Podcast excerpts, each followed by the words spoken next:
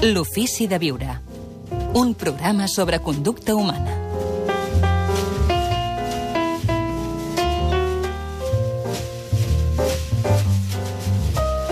Eric Fromm es va preguntar cal produir éssers humans malalts per tenir una economia sana? Cal produir éssers humans malalts per tenir una economia sana? És una pregunta, pregunta, eh? de la qual Àlex Rovira se n'ha fet ressò de vegades. Moltes vegades. Ben retrobat, Àlex. Gràcies, Gaspar. I què? I tens alguna resposta?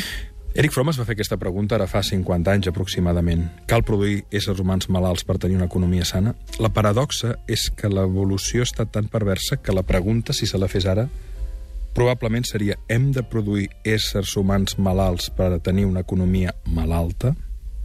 Aquesta seria la segona derivada. Recordem que Eric Fromm, a part de psicòleg, psiquiatre, psicoterapeuta, va ser un extraordinari humanista.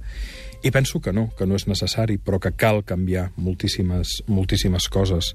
Entre elles, um, l'apreciació de la persona. Recordem que Eric Fromm va escriure un llibre fantàstic del qual hem fet referència alguna vegada aquí, que és l'art d'estimar. I precisament en relació a això hi deia l'única forma d'assolir el coneixement total consisteix en l'acte d'estimar. L'amor no és el resultat de la satisfacció sexual adequada, tot el contrari, la felicitat sexual i fins i tot el coneixement de la tècnica sexual és el resultat de l'amor. Fins i tot del vincle de pell en pell o de la relació amb el potencial de l'ésser humà, Eric Fromm, respecte a l'educació, deia educar suposa ajudar el nen a realitzar les seves potencialitats.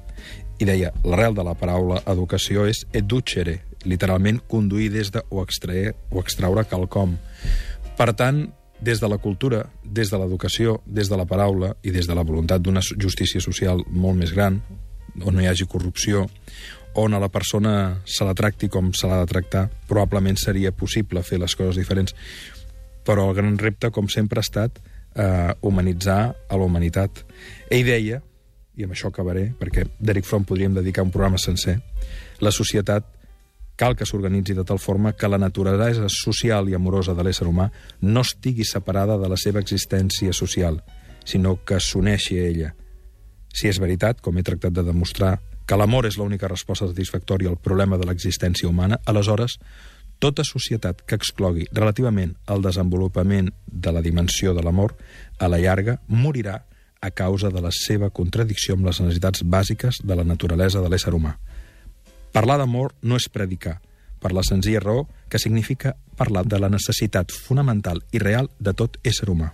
Això és el que deia Eric Fromm, en paraules de l'Àlex Rovira. I des d'aquesta mirada, segurament no ens passaria el que ens està passant. En continuarem parlant. Àlex, moltíssimes gràcies. Utopies pràctiques. Utopies pràctiques, és un bon títol.